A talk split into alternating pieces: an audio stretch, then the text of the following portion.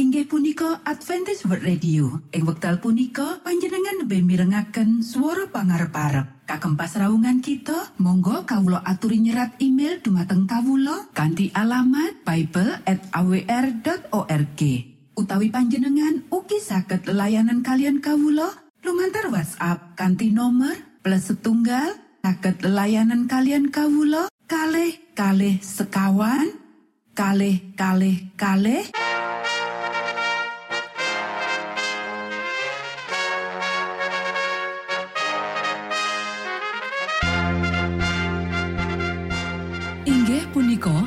Adventist World Radio ingkang giaran kanti basa Jawi. Tentrem Rahayu Kulo aturaken kagem poro Mitra Kinasih ing pundi papan lan panggonan. Sugeng pepanggian malih kalian Adventist World Radio. Kanti bingahing manah Kulo badi sesarengan kalian poro Mitra lumantar saperangan adicara ingkang sampun rinonci mligi kagem panjenengan sami. Mugi giaran punika saged migunani tuwin dados berkah kagem kita sedaya. Sugeng midhangetaken Gusti amberkahi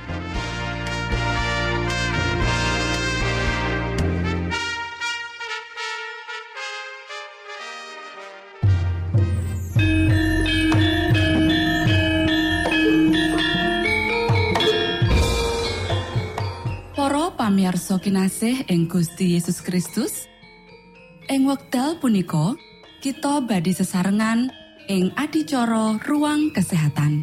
Ingkang saestu migunani kagem panjenengan soho kita sami. Tips utawi pitedah ingkang dipun aturaken ing program punika tetales dawuhipun Gusti ingkang dipunnyatakaken ing kitab suci. Semantan ugi sakehing seratan ingkang dipun wangsitaken dening Gusti Allah. Nanging saderengipun monggo kita sami midhangetaken kidung pujian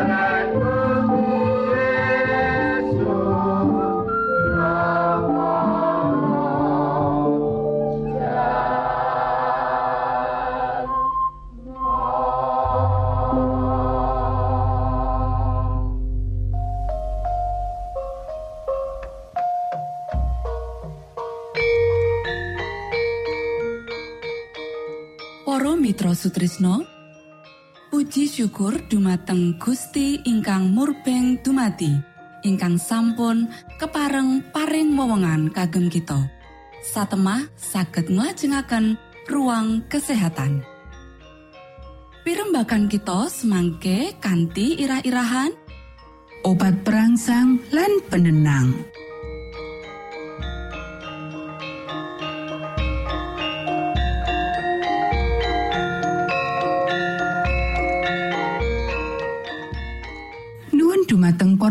Para pamiarsa ingkang dahat kinormatan, sugeng pepanggian malih kalian kula Isti Kurnaidi ing adicara ruang kesehatan.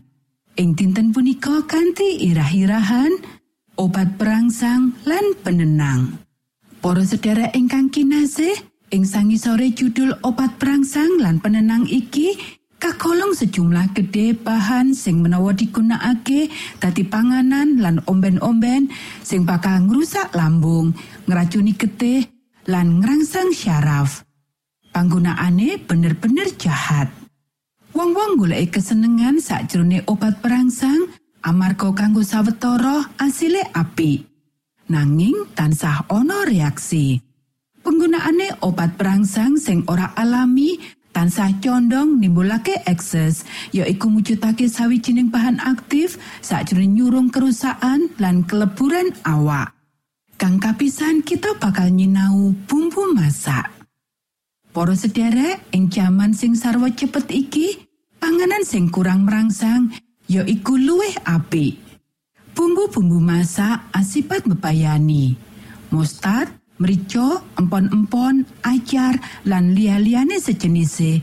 Kabeh iku ngganggu lambung lan gawe getih dadi panas lan ora resik. Kahanan lambung pemabuk sing meradang asring didadekake gambaran saka efek omben-omben sing ngandut alkohol. Kahanan meradang sing padha disebabake dening penggunaane bumbu sing rusak. Ora suwe maneh, panganan sing biasa ora meneh marmake selera. Awak ngrasakake kekurangan sawijining pepinginan marang sawijining sing luwih ngrangsang. Kang kapindo, teh lan kopi. Teh tumindak dadi perangsang lan nganti wates tertentu nimbulake keracunan. Akibat saka kopi lan akeh meneh omben-omben populer liyane padha wae.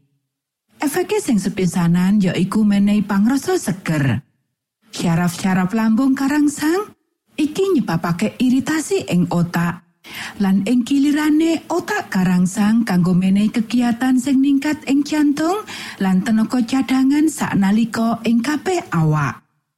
Rasa kesel kalalekake, kekuatan katone nambah. Kecerdasan digerakake, imajinasi dadi luwih padang.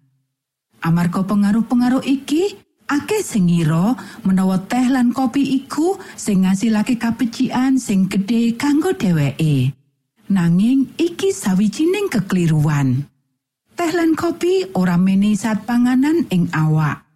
Pengaruhe wis ana sadurunge sempat dumati pancernaan lan penyerapan. Lan opo sing katone kaya kekuatan, sak benere mung rangsangan syaraf. Sakwise ilang pengaruh rangsangan iku, tenaga sing ora alami iku ilang lan akibate ya iku kelesuan lan keringkihan nganti tataran tertentu. Penggunaan terus-terusan saka bahan-bahan perangsang syaraf iki diiloni karo mumet, ora bisa turu, jantung deg-degan, gangguan pencernaan, gemeter, lan akeh kangilan liyane. Amarga bahan iku ngentekake toyo urip. Syaraf sing letih merlokake ngaso lan ketenangan, gantine rangsangan lan kerja lembur. Alam merlokake wektu kanggo mulihake tenagane sing kekuras. Menawa tenagane iku dipeksa kanthi nggunakake bahan-bahan perangsang, kanggo sawetara keluwihan tenaga iku dientokake. Nanging merga awak wis ringkeh akibat terus dinggo, mula suwe-suwe saya angel kanggo mangkitake tenaga ing wates sing diperlokake. Tuntutan marang bahan perangsang dadi saya angel dikendaleni nganti kekarepan diringkehake lan ora bisa meneh nolak pepinginan sing ora wajar iku. Saya kuat bahan-bahan perangsang iku dituntut nganti awak sing wis letih ora bisa meneh nanggapi. Matur nuwun Gusti amberkahi.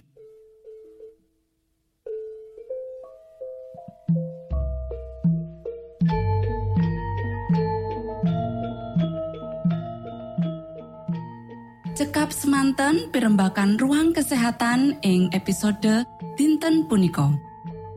Ugi sampun kuatos jalanan kita badi pinanggih malih ing episode sak lajengipun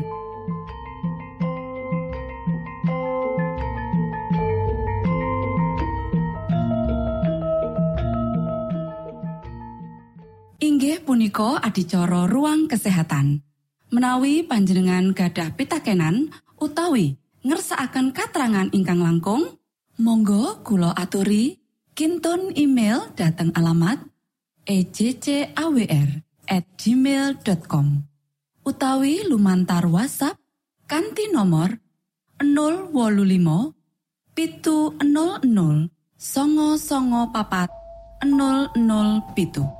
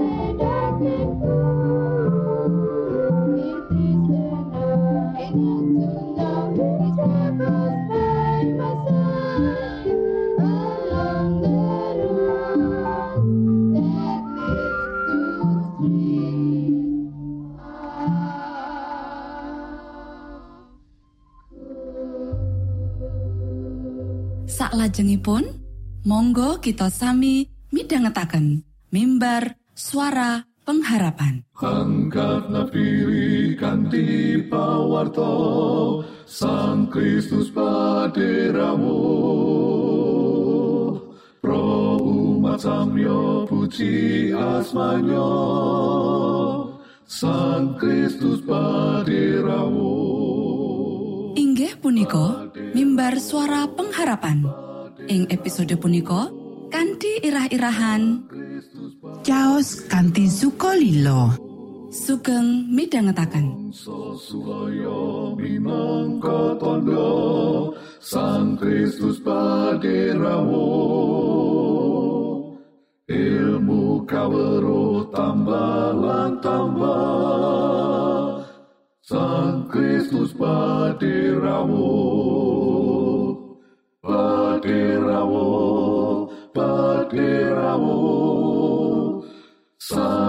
Sang Kristus paderamu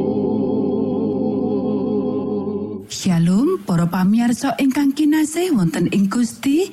Sak menika kita pada mitangetaken renungan Sabto pangantikanipun Gusti.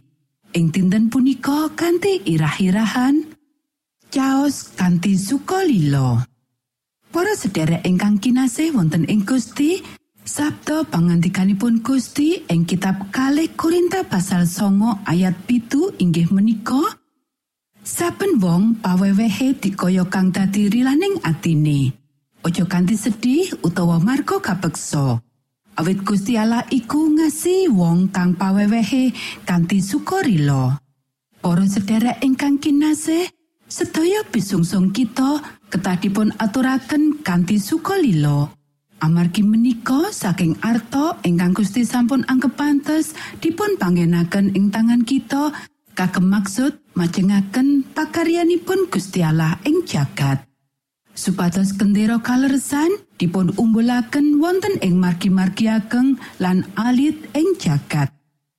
Menawi sedaya ingkang ngakeni kaleresan purun nyaosaken kagunganipun Gusti piyambak saklebetipun prasedasan lan pisungsung, pramila badhe wonten dedaharan wonten ing pitalemanipun Gusti.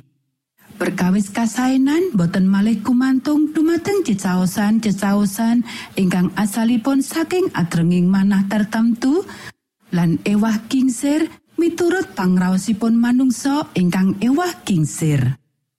Wewenangipun Gusti Allah badhe dipun tampi sae lan perkawisipun badhe dipun anggap pantes nampi bagian saking arta ingkang sampun dipun pitadosaken dumateng kita. Para sedherek ingkang kinasih, Gusti menika juru potang ilahi kita. Lan panjenenganipun sampun damel prasetyo lumantar Nabi Maleaki ingkang sangat prasaja, positif lan wigatos. Nyaosaken kagunganipun Gusti Allah utawi boten, mujudaken setunggal lampah ingkang sanget wigatos kagem kita. Panjenenganipun paring itipalilah juru kuncinipun ginakaken wilangan tertamtu lan nalika piyambak-piyambakipun ginakaken kagunganipun menika pramila panjenenganipun berkahi pondo menika ing astanipun setunggal setunggalipun rancangan ingkang miturut Injil sanes kagem ngrimat petamelanipun Gusti Allah inggih menika rancangan ingkang dipun tindakaken kagem pakurmatanipun manungsa kewala. Boten kagem petamelanipun para sedherek ingkang kinasih tiang-tiang ingkang dados penampi se palinirmanipun ingkang menggalihaken palang kalvari boten badhe mitangletaken ngengingi bagian ingkang badhe dipun caosaken namung badhe rumaos pilih senatian cecaosan paling ageng sedaya menika badhe karaos sekalangkung alit sedaya boten timbang kalian peparing palinirmo paling ageng saking putra tunggal Allah lumantar nyingkur diri tiang-tiang paling sekeng manggihaken margi-margi mangge perkawis kagem dipun caosaken kondur dumateng Gusti Allah. Para sedherek ingkang kinasih, tiang sugih sampun rumaos bilih piyambakipun pareng rumaos marem kanthi namung nyaosaken artanipun. Tiang-tiang sepuh lan para putra sampun nganggep dirinipun menika kadahanipun piyambak.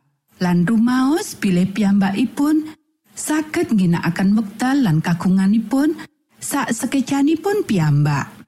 Piyambakipun menika bondo kagunganipun Gusti Allah ingkang sampun dipun pundhut.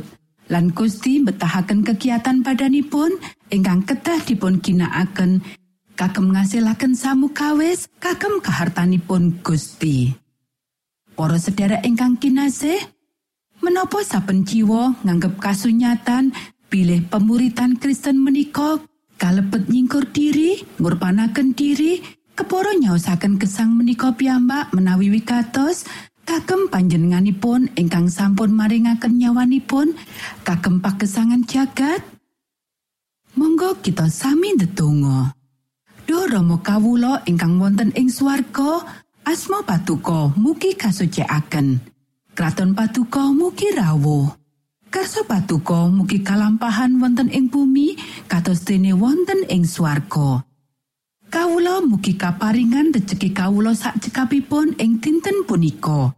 So patuko mugi ngapunten kalepatan kawula kados dene kawula inggih ngapunteni tetiang ingkang kalepatan dhateng kawula. Punapa dene kawula mugi sampun ngantos katantukaken dhateng ing panggoda nanging mugi sami patuko walaken saking piawon. Awit dene patuko ingkang kagungan kraton saha wisesa tuwin kamulyan salami laminipun. Amin.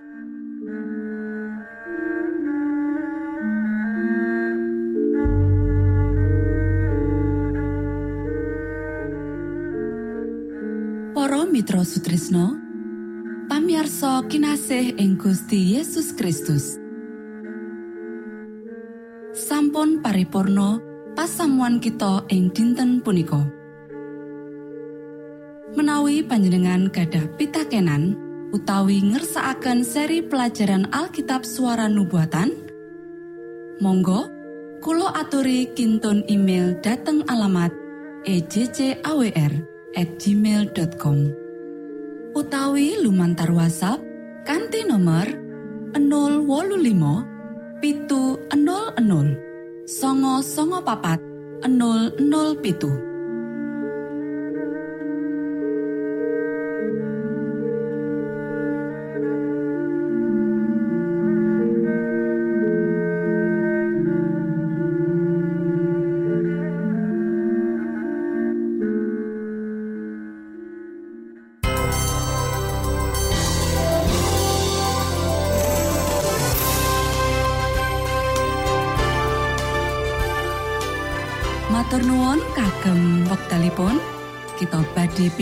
malih ing gelombang ugi wekdal ingkang sami.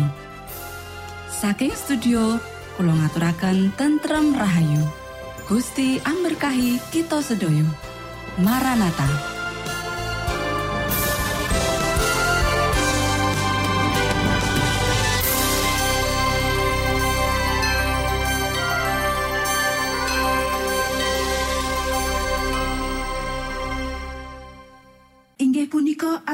Radio. Ing wekdal punika panjenengan lebih mirengaken suara pangarep-arep. Kagem pasraungan kita, monggo kawula aturi nyerat email dumateng kawula kanthi alamat bible@awr.org. Utawi panjenengan ugi saged layanan kalian kawula lumantar WhatsApp kanthi nomor plus setunggal saged layanan kalian kawula kalih kalih sekawan kalih kalih kalih